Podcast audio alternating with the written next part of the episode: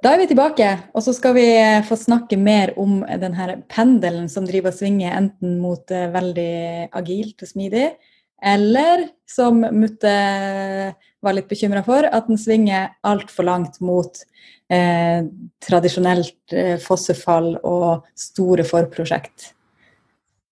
Hva er ja, du bekymra for, Mutte? Jeg er litt Det er i i sånn, eh, da jeg vokste opp med kinesiske foreldre, så hadde man en uh, analogi hvor man uh, sier at en, en bambuspinne som er bøyd, må bøyes enda mer tilbake før den blir rett igjen. Som vil si at uh, Fra et foreldres ståsted til en unge, så hvis en unge gjør noe galt, så må en unge gjøre noe ekstra riktig før den lov til å gå tilbake til normalen igjen. så jeg på en måte skjønner litt det med at pendelen kanskje må svinge hakket lengre tilbake et sted før man finner et midtpunkt hvor den egentlig kanskje bør være. Men jeg sliter litt foreløpig med å se at det er et sunt hvor langt måte, Jeg tror at vi har svinget litt for langt forbi midtpunktet når vi begynner å si at vi skal ha en gate, f.eks., før man eh, kan gi eh, klarsignal for en satsing. Det høres veldig rart ut å si at man ikke skal ha en gate, men jeg syns det er rart at man skal innføre at alt skal gjennom en gate. da, på en måte. Men hva er det du da, eh, Hvordan ser du for deg denne gaten? Jeg ser for meg at Grunnen til at man innfører en gate, er for at man ønsker å unngå at noen prosjekter eh, blir skjørt som ikke ganger organisasjonen. At de blir skjørt for, for lenge. Og Derfor ønsker man en eller annen kontrollmekanisme i form av f.eks. en kvartalsvis eller månedligvis eh, styringsgruppe eller en annen gruppe som bestemmer seg for om dette skal vi gå for, dette skal vi ikke gå for. Og i det foret der så presenterer man enten et business case, et konsept eller noe bevis eller noen hypotese som er validert, f.eks. For, uh, i håp om å overbevise denne komiteen om, om å få penger til å gå videre med det. Og veldig mye av det er på en måte fornuftig, men det jeg uh, sliter litt med, da, er at eh, kjernen av problemet er at man har noen prosjekter som går for langt, som egentlig kanskje ikke burde hatt livets rett. Og stoppe de prosjektene ved hjelp av en månedlig gate er jeg usikker på er riktig løsning. Jeg tror riktigere løsning hadde heller vært å fortelle teamene som jobber med dette, hva som skal til for at de skal fortsette å forsvare sin egen eksistens til enhver tid. Men er det gitt at det er samme team som skal jobbe med det hele tida? Fordi at min erfaring eh, Av min erfaring så er det ofte litt forskjellige personer som du trenger i eh, typisk en sånn startfase, hvor du kanskje ser på litt mer sånn sondere markedet og gjør litt mer research, på en måte, eh, enn når du kommer inn i en ordentlig sånn byggefase. Definitivt. Og jeg tror definitivt jeg er helt enig i at i starten av et Eh, av en, et initiativ eller prosjekt eller starten av eh, levetiden til et produkt, så trenger du enkelte folk som du kanskje ikke trenger eh, lenger ut i tiden, på en måte ut i livsløpet. Men eh, overlevering er noe vi må snakke om senere.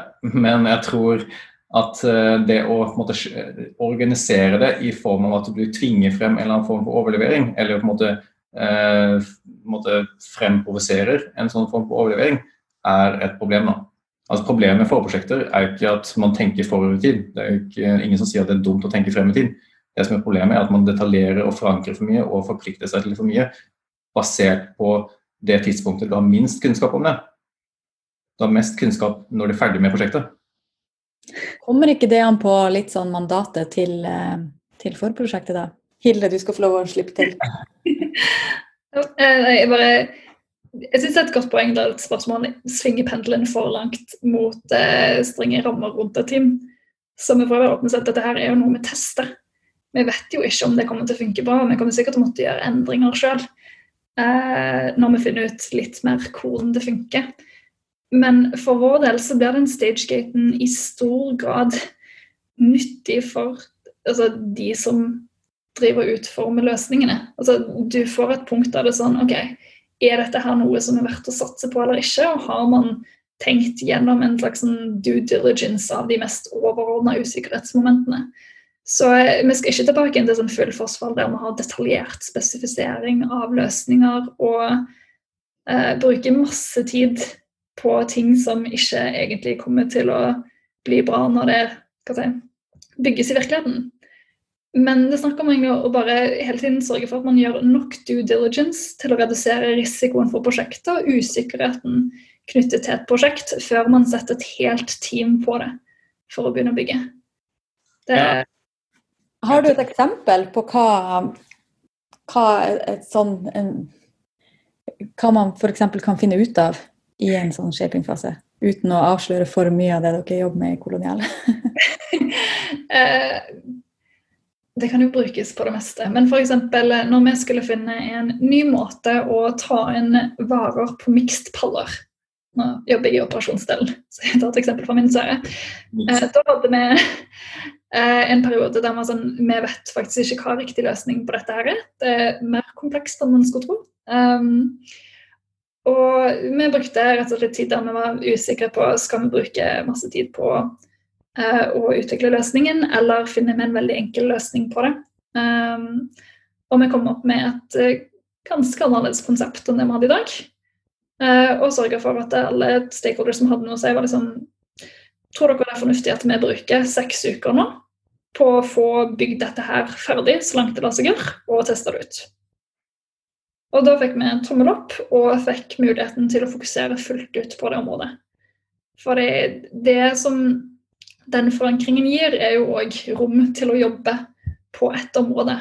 Så hvis ikke stakeholdersene har liksom blitt enige om at det der er verdt å fokusere på, så er det fort gjort at det blir pepra med ønsker og altså, forslag til forbedringer fra alle mulige andre kanter.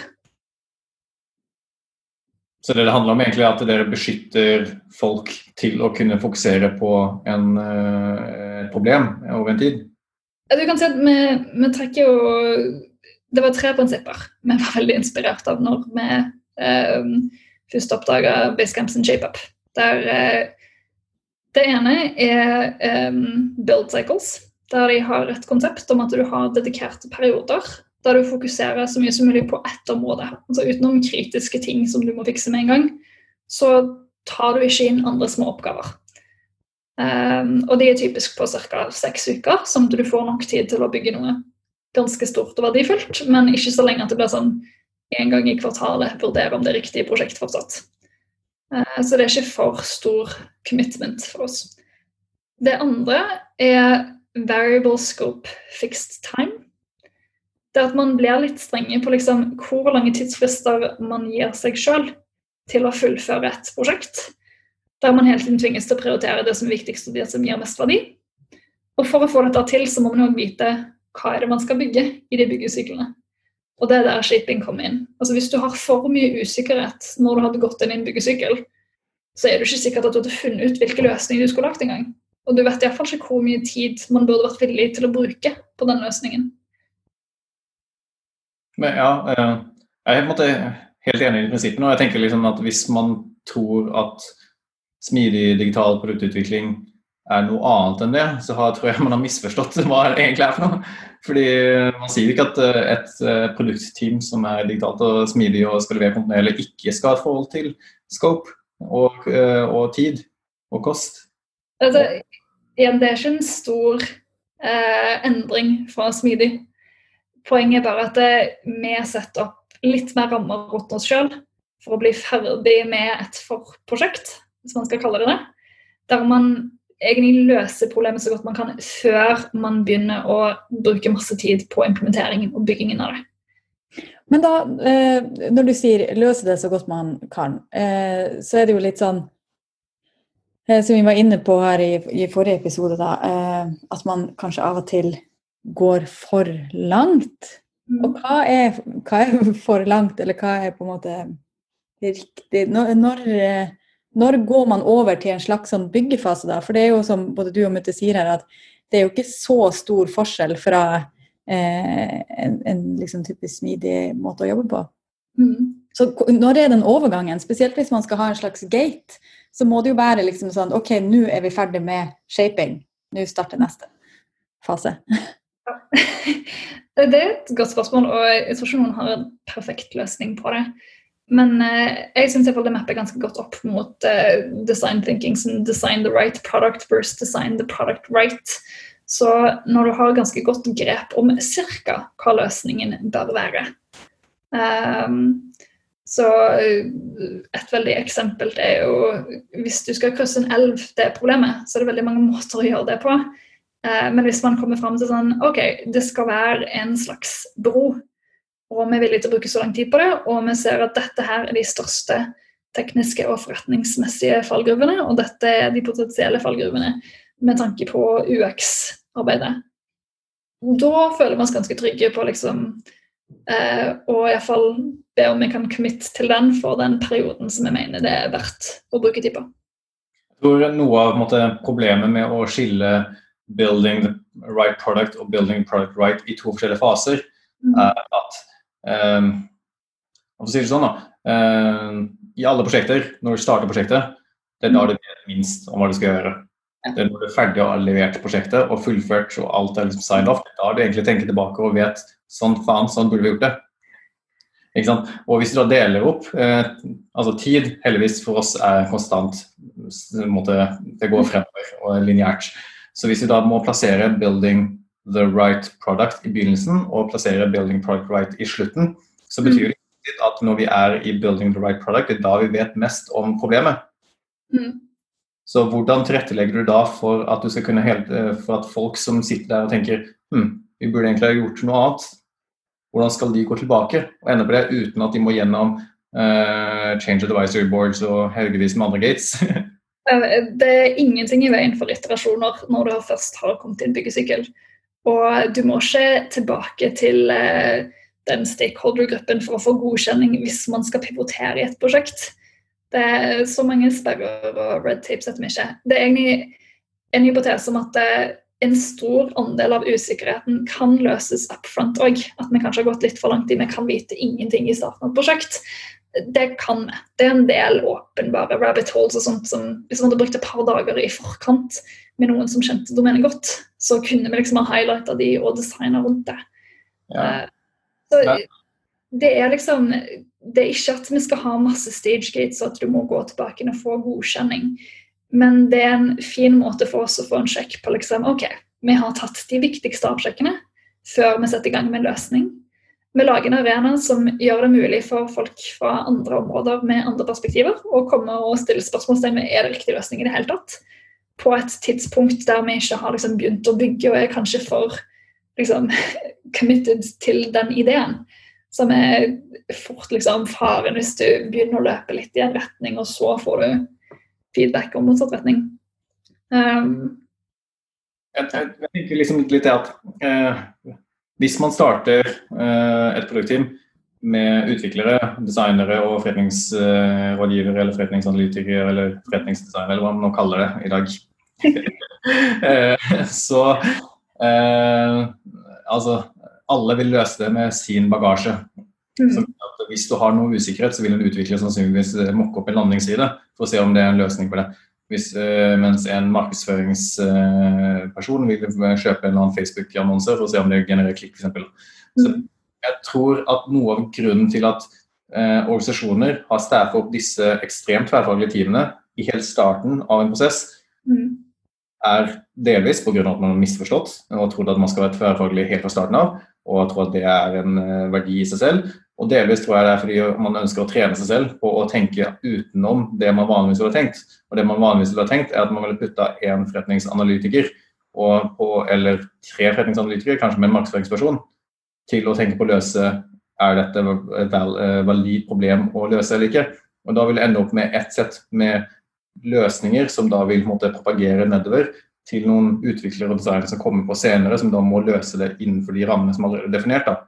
Så jeg tror poenget er å få de perspektivene som de andre kommer med sin bagasje, så tidlig som mulig. Men de vil sannsynligvis kanskje også da løse det på en litt annen måte. Da. Og dermed så tror jeg også det at det kan godt hende at det ikke er effektivt at man skal bygge en landingsside for å prøve å avdekke, bekrefte eller avbekrefte en hypotese. Det kan godt hende at det er mer raskere og mer hensiktsmessig å lese en rapport eller undersøke det, fordi det finnes sannsynligvis noen data rundt det. Og da tror jeg at løsningen ikke er at man skal lage en gate og si at du har ikke lov til å utvikle noe før du har lest de rapportene, men heller finne ut hvilke personer er riktige personer, og fortelle dem hvordan de skal liksom, bekrefte tesene på en mest mulig ressurseffektiv måte. Men eh, da er et spørsmål som uh, igjen Hvis jeg går tilbake litt sånn Den originale tanken jeg hadde på hva som var et bra agilt prosjekt, der man hadde noen rammer der man visste hva målet var, og hadde eventuelle prinsipper for selskapet med i ryggen. Eh, og var et tverrfaglig team og fikk liksom go, løst dette problemet. Der er jo faren òg at du er feil team for å løse det. Spesielt for oss, da, der eh, vi har et veldig bredt domene. Det kan hende at det er for å løse bedre ruter, så hadde vi gitt eh, det prosjektet til Delivery Tech-teamet. Og da hadde de antakelig satt ganske biased mot å løse det gjennom teknologi og ruteoptimalisering og involvert data science-teamet på det. Eh, hadde man gitt det til kjølekontoret, så hadde man fått helt andre løsninger på det. Så det er òg litt ok, Hvordan går du fram for å prøve å finne ut hvilke områder som bør løse dette her? Det bør antageligvis ikke være et ferdig team som man tenker skal følge det fra start til slutt. Og så er det jo et spørsmål om når er det man skal si at yes, nå, nå tror vi faktisk at vi vet hvilke team som bør være med å ta dette helt i mål. Mm. Du hadde lyst til å si noe, Pia? Ja, fordi at eh, jeg ville litt tilbake til den her eh, Hilde snakker om at, eh, at, man kanskje skal bestemme at det, det, skal bygges en bru. Det skal ikke, vi skal ikke etablere en flyplass på hver side av det her sunne. at noen på et eller annet, eller tidlig i prosessen eh, tar en beslutning om at ok, det er enkelte ting vi ikke skal gjøre. Vi skal ikke eh, lage flyplass. Eh, vi skal kanskje ikke lage undersjøisk tunnel fordi at det f.eks. er for dyrt, eller fordi at eh, det ikke er mulighet til å etablere flyplass, eller det kan være masse forskjellige ting. Men eh, det, det, betyr ikke dermed at du ikke kan iterere over hvordan denne brua skal være. Det er fortsatt masse spillerom der. Det kan være steinbru, flytebru, hengebru. Altså, der kan du iterere i masse omganger. Eh, så, så, det var liksom tilbake til ditt poeng med at, eh, at et, team, et produktteam må kunne iterere uten å gå gjennom masse, masse loops. Og som det Hilde snakka om sist nå, at eh, hvis du skal bygge en bru og ikke lage en tunnel, så er det helt andre folk du vil trenge i byggefasen. Akkurat den analogien har jeg lyst til å snakke litt mer om, fordi den har jeg brukt før. Uh, La oss si at du skal krysse en elv, og det er jo helt, det er fra Spotify, Spotify Framework-modellen med uh, alignment og autonomy osv. Så, videre. så er det, sier de at uh, du er på low alignment, uh, nei, high alignment, men low autonomy når du sier som leder at teamet skal bygge en bro. Og så sier de også at du er på high autonomy, men low alignment når du sier ingenting, og håper at teamet skal oppdage det selv. Og så mener Spotify at Eh, du er på high alignment og high autonomy når du sier til teamet vi skal krysse elva, finne ut hvordan. Og mm. her mener da at eh, det er en mangel i måte, den instruksen hvis man sier kun kryss elva, finne ut hvordan, og samtidig sier at vi skal ikke ha en flyplass på hver side og vi skal ikke ha en undersjøisk tunnel. Det handler egentlig om at man har lagt rammene feil. Det det handler om, er at man skal si vi skal krysse den elva, finne ut hvordan, men vi skal ikke ha eh, Vi har en miljøprofil vi må passe på. Vi har et fotavtrykk vi må passe på. Dere har begrensa ressurser. Dette er disse ressursene, ressursene, dere får. Det er det som er verdt for organisasjonen. Dere må finne ut av løsningen selv, uten å eksplisitt si hvilke løsninger dere ikke skal bruke. Det er poenget mitt. Ja, men det vil fortsatt kanskje være helt forskjellige team du vil trenge, da, avhengig av hva du lander på. Så på et eller annet tidspunkt da, så vil du måtte på en måte kanskje overlevere prosjektet ditt da, til et annet team, fordi du fant ut at OK, vi som sitter her, vi er jo ekspert på brubygging, men uh, den beste løsningen er egentlig at vi lager tunnel. Pluss det som Hilde var inne på, da, at hvis de som sitter i det opprinnelige teamet, er eh, veldig gira på å bygge bru, så er det ganske sikkert at de klarer å finne en måte å bygge en bru på. Selv om det kanskje hadde vært bedre med tunnel. Da har du lagt rammene feil.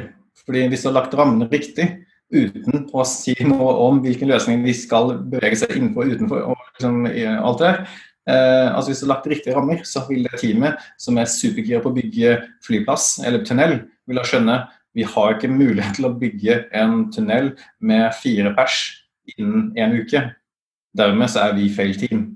Vi må endre oss. Fordi Poenget mitt er at eh, hvis du skal si til et team at vi skal ikke bygge bro, eh, vi skal ikke bygge, bygge tunnel, vi skal ikke bygge liksom, helikopterlandingsplass osv., så, så betyr det at det er noen som allerede har gjort en tanke om hvilke løsninger som ikke funker. Ja, men det tror jeg er mye lettere å gjøre òg, hvis du har noen tanker om hvilke løsninger det bør være. Altså, du kan jo bruke en evighet på å sette alle rammene og begrensningene og kriteriene for en løsning. Men hvis du har en sterk hypotese om at antageligvis så bør det være en bro, det å bare kunne grave litt i ok, hvilke tekniske muligheter har vi, hvilke kostnader er det, passer det som ca. en forbi, ikke det en mer effektiv måte å jobbe på? Spesielt når det iallfall hos oss skal alltid være noen fra det teamet involvert i den prosessen. Nei, eh, jeg måtte mene at det ikke er effektivt. Fordi eh, det du egentlig bør sette rammene rundt, er de rammene du faktisk bryr deg om. Du bryr deg som virksomhet egentlig ikke om det ender opp med en bro eller ikke. Det du bryr deg om, er at vi har en kostnadseffektiv måte å komme oss fra ene siden av elva til andre siden av elva. Og Hvis du da sier at vi skal lage en bro, men dere kan velge hvilken type bro vi skal lage, så ender du opp med men hvis vi bare sier vi skal ha en kostnadseffektiv måte å krysse A til B, og skal, det skal passe inn for vår profil det skal passe inn for våre prinsipper, så kan det godt hende at det ender opp med en mer effektiv løsning, som f.eks. en flåte.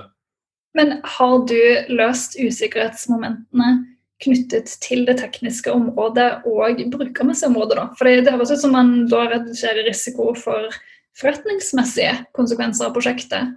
Men sånn som for oss da, hvis vi ikke hadde begynt å grave litt i kodebasen, sett at ok, her er det faktisk litt sånn tekniske drager. Dette er antageligvis ikke et område vi har lyst til å fikse på nå.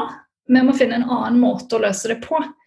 Eh, det er liksom litt de type tingene man har lyst til å grave i før man commit til det. Og det kan hende at man kommer fram til at her bør vi ikke bygge noe som helst.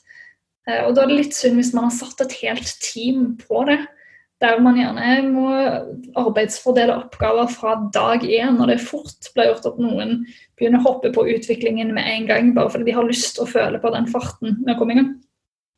Pia? Ja, jeg bare lurer på eh, hvor mange eh, og hvilken type folk er det dere har hatt i den shaping-fasen? Altså, Hvis man skulle sammenligne det da med et et mer sånn typisk eh, produktutviklingsteam, er det like mm. mange? Er det noen få utvalgte? Hvilken type Så Vi har jo testa litt forskjellig. Det de jeg har vært borti, som er typisk én til to personer som er ansvarlig for det. Og så trekker man på folk fra de domenene eller områdene som man ønsker å spare med fortløpende i løpet av den prosessen. Ja, Så man rigger ikke et fullt team? Man starter egentlig bare å sondere terrenget litt? Ja, egentlig. Det er fall det vi har prøvd ut nå. Så vet vi ikke hvordan det kommer til å utvikle seg framover. Men litt av poenget er at man skal ha noen som er ansvarlig for å liksom, komme med dette her er vår best guess på hva som er en god løsning for dette området. Som alle kan liksom enes om at det er verdt å bruke seks uker på. Og så løper vi videre. Jeg har lyst til å si en ting er at eh, Du påpekte risiko. Eh, at ved å ikke si hva man ikke skal lage, så åpner du for at du risikerer at et team lager noe du ikke vil at de skal lage. Men samtidig, ved å gjøre det, så vil du samtidig også eh, redusere handlingsrommet og det kreative rammene for teamene. Og det kan hende at du vil ende opp med en løsning som du aldri har tenkt på før. Det kan man, og det er jo den risikoen vi må avveie nå og teste fram. Men litt av poenget er at man skal kunne liksom se dette her er et komplekst, vanskelig område i f.eks. tekstdekken vår, som vi antageligvis ikke bør ta tak i nå for å løse dette problemet. Man kan løse det på denne måten i stedet. Um, så for oss foreløpig så virker det som det har gitt en del ekstra fart i utviklingen. Um, vi har en del områder der det er ganske mange rabbit holes å falle ned i hvis man først begynner å snurre der. Um, så altså, igjen, um, vi er jo ganske ærlige på det. Vi vet jo ikke om vi kommer til å følge denne prosessen om et halvt år eller ett år fra nå. Men når vi har opplevd en del utfordringer med at team har liksom løpt i sin egen retning, og så har uh, uh, stakeholders eller andre team blitt liksom sånn overraska på at det der funker faktisk ikke for vår del, kanskje vi må jobbe masse med hvordan kan vi få opp alle kriteriene og alle rammene som trengs i forkant. Men dette har virket som en ganske pragmatisk løsning for oss nå. Så det er iallfall verdt å teste ut for vår del. Hmm. Ja, det blir jo um, Kanskje vi må ta en ny prat når dere har fått testa det litt mer, Hilde. Det var spennende å høre om. Eh, og så får vi være enige om at vi kanskje er litt uenige om det nødvendigvis er bedre enn eh, agile. Men jeg tror vi er jo enige om prinsippene og mye måten å jobbe på. Um, på fremgangsmåten? Ja, og kanskje litt sånn Hvem er det som skal gjøre det? Rigger man et fullt team med en gang, eller er det noen som skal gå litt i forveien og begynne å sondere? Og Da er vi inne på et annet het potet, eh, som er overlevering. Oi, oi. Skal vi kjøre en, en, en egen runde på det? Vi gjør det. Snakkes. Drypp er en lavterskelpodkast fra Beck, hvor vi diskuterer diverse temaer som interesserer oss. Og Hvis du har et tema som du har lyst til at vi skal snakke om, eller du vil være med på en innspilling, ta kontakt på drypp.beck.no.